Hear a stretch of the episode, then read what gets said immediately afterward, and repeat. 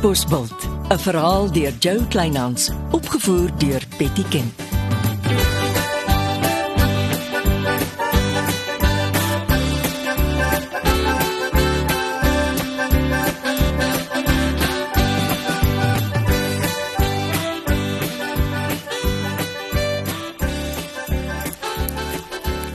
Erken dit nou maar.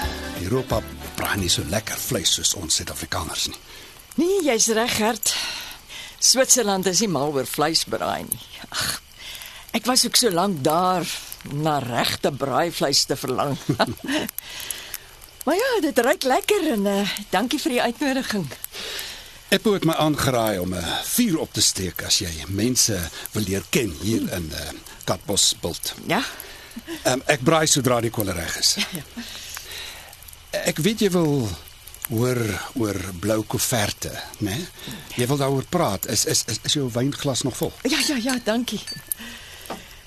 Ek sien eh, jy het ook al oorgeslaan whisky toe. Soos Eppo altyd sê, dis die diabetes wat hom op 'n knop jag.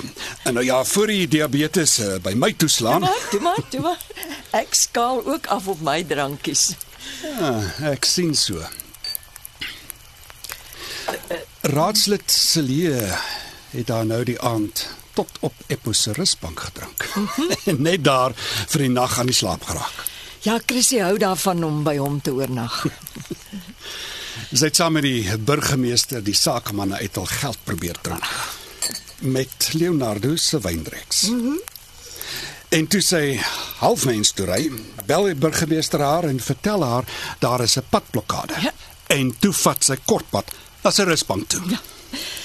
Jy praat al om die blou koeverte, Gert. Jy gaan nie hou van wat ek jou vertel nie. Ek is taamlik skepties oor Katbosveld. Wie het my gesink? Ek en Eppo glo dis um, Leonardo Leroux. Hy het Chrissy se lewe met 'n seer hart in die dorpsraad gesoek. Mm -hmm. Daar was vingerafdrukke op die blou koeverte en dit was dodelike getuienis. Maar volgens die sergeant is die verslag oor die vingerafdrukke nie vir die verkiesingskommissie gegee nie. Dis nêrens nie. Want Leonardo het die kaptein in sy sak. Hm, beslis. En gegee die feit dat die vyf klaagsters almal verdwyn het, beteken dit ons geagte verkiesingskommissie het niks om mee te werk nie. Uh, hulle gaan hulle hande in onskuld was. En ondertussen hang 'n donker wolk steeds oor my kop. Hmm. Ek en Eppo het ons privaat speurder agter die klaagsters aangestuur. Hy bly hulle soek. Ek sal nie rus voor ek hulle opgespoor het en die waarheid gehoor het nie. Die mense sal nie praat nie, Gert. Hulle is te bang vir Leonardo. Hmm, ek hoor jou. Maar ons gaan probeer. Ons man is klaar weg en en hy's baie baie goed. Dankie. Stuur maar julle rekening vir my. En dankie ook vir al die wonderlike werk wat jy en Eppo op die plaas gedoen het. dis nie ek nie, dis jou skitterende plaaswerkers. Maar ons gaan nie ons braaivleis met rekeninge bederf nie. Ehm, um, hoe hou jy van jou vleis? Solank dit net nie meer blær of bloei nie, is dit reg.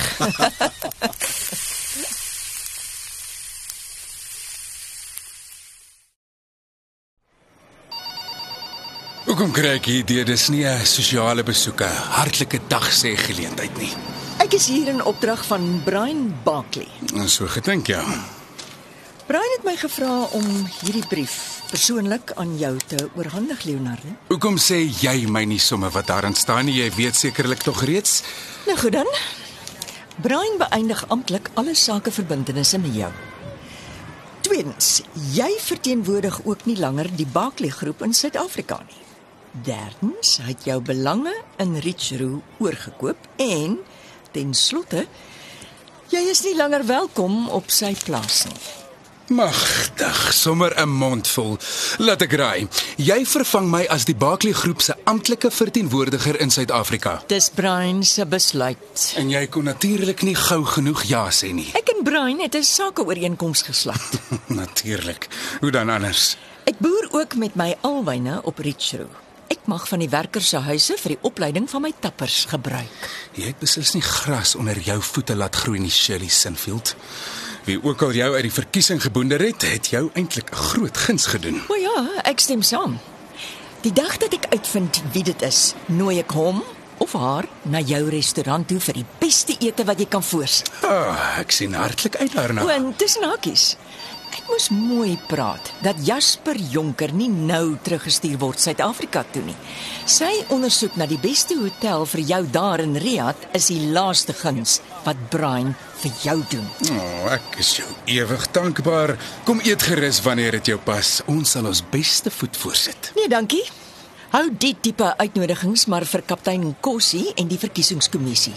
Hulle beteken meer vir jou as ek. Wat is dit veronderstel om te beteken? O, oh, jy is skerp, Leonardo. Werk dit uit.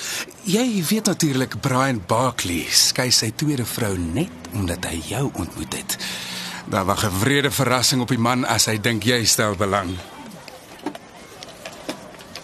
Ek het gesê wat ek moet. Dis nie nodig om saam te stap nie, Leonardo. Ek ken die pad uit.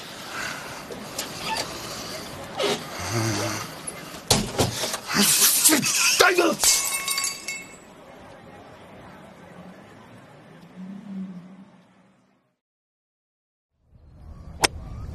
Leonardo, is dit weer tyd vir jou gereelde ontmoeting met kaptein Kosi by die 19de puitjie van ons golfbaan? Ek hoef niks aan jou te verduidelik nie, Gert Geertsma. Ek ontmoet wie ek wil, waar ek wil, wanneer ek wil. Ah, jy's lekker styf gesnaar. En daar kom nie eers 'n woord van dankie vir ons katbosbultfees uit jou mond. Ja, dis 'n skande dat die dorpsraad omgekoop moes word om hulle werk te doen. Vat julle maande net om op 'n naam te besluit. Maar die besluit is geneem. En volgende maand is dit sulke tyd. Wie organiseer die fees? Ehm um, die burgemeester is soos 'n broeishen oor die eerste dorpsfees. Dit word uit sy kantoor georganiseer. Hy mag 'n feeskoördineerder aanstel wat hom bystaan en direk aan hom rapporteer. En jy weet natuurlik die ideale persoon daarvoor. Is ek? Praat met raadslid Celie. Die burgemeester eet uit haar hand. Wat sê vir jou goeie woorde? Jy kan ook mos met die burgemeester praat. Eh, Ek sal praat as hy my inset vra.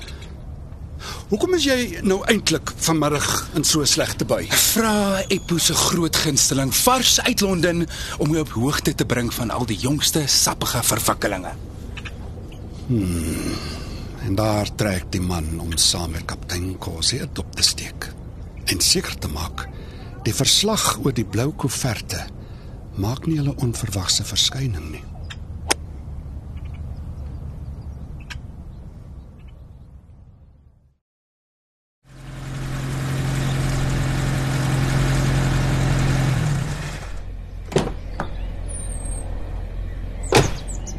Middag Gert. Soos jy kan sien, vorder die vloery goed. Ja, jy sal seker aanstonds stappers moet begin werf en oplei.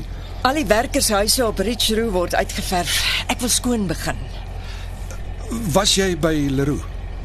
Ja? Hoekom? Iemand het hom lelik omgekrap.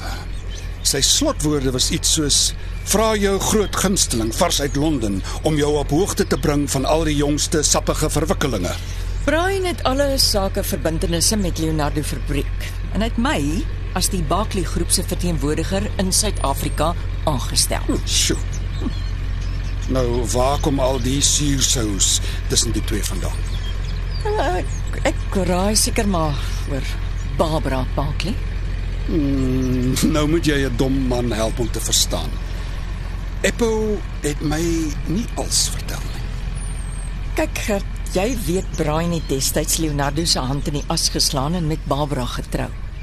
Ja, maar toe loop sake skeef en Brian skei van Barbara. Korrek.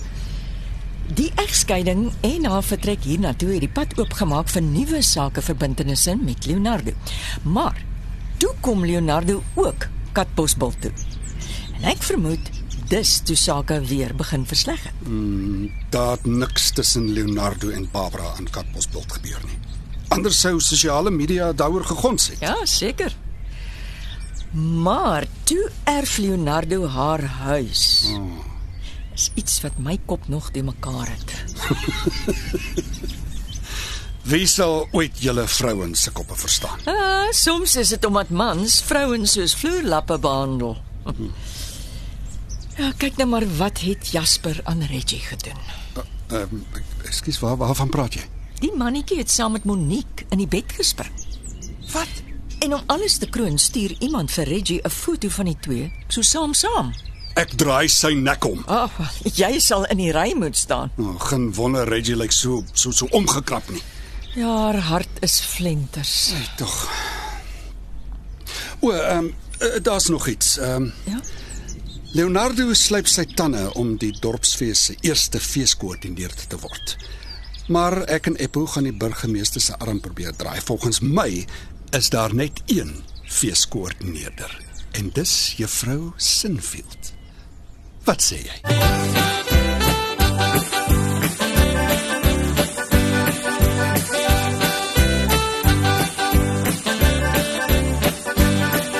Dit was Katbosveld deur Jo Kleinhans. Die tegniese versorging is deur Marius Vermaak.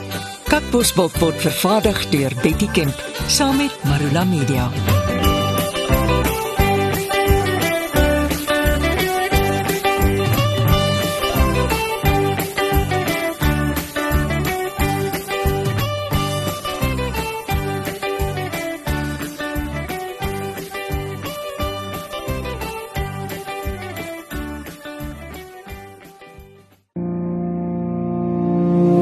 Kuier saam met my, Kurt Darren en nege van my sokkie musiekvriende op die Super Sokkie Bootreis 2024. Marula Media gaan ook saam vanaf 8 tot 11 Maart 2024 en ons nooi jou om saam met ons te kom sokkie op die musiek van Jonita Du Plessis, Early B, Justin Vega, Jay, Leani May, Nicholas Lou, Jackie Lou, Dirk van der Westhuizen Samantha Leonard. en Rydelen. Afrikaanse musiek gaan weer klink van die kuierareas tot die dek tot reg in die teater van die splinte nuwe MSC Splendide. Bespreek nou jou plek op die Super Sokkie Bootreis by www.msccruises.co.za.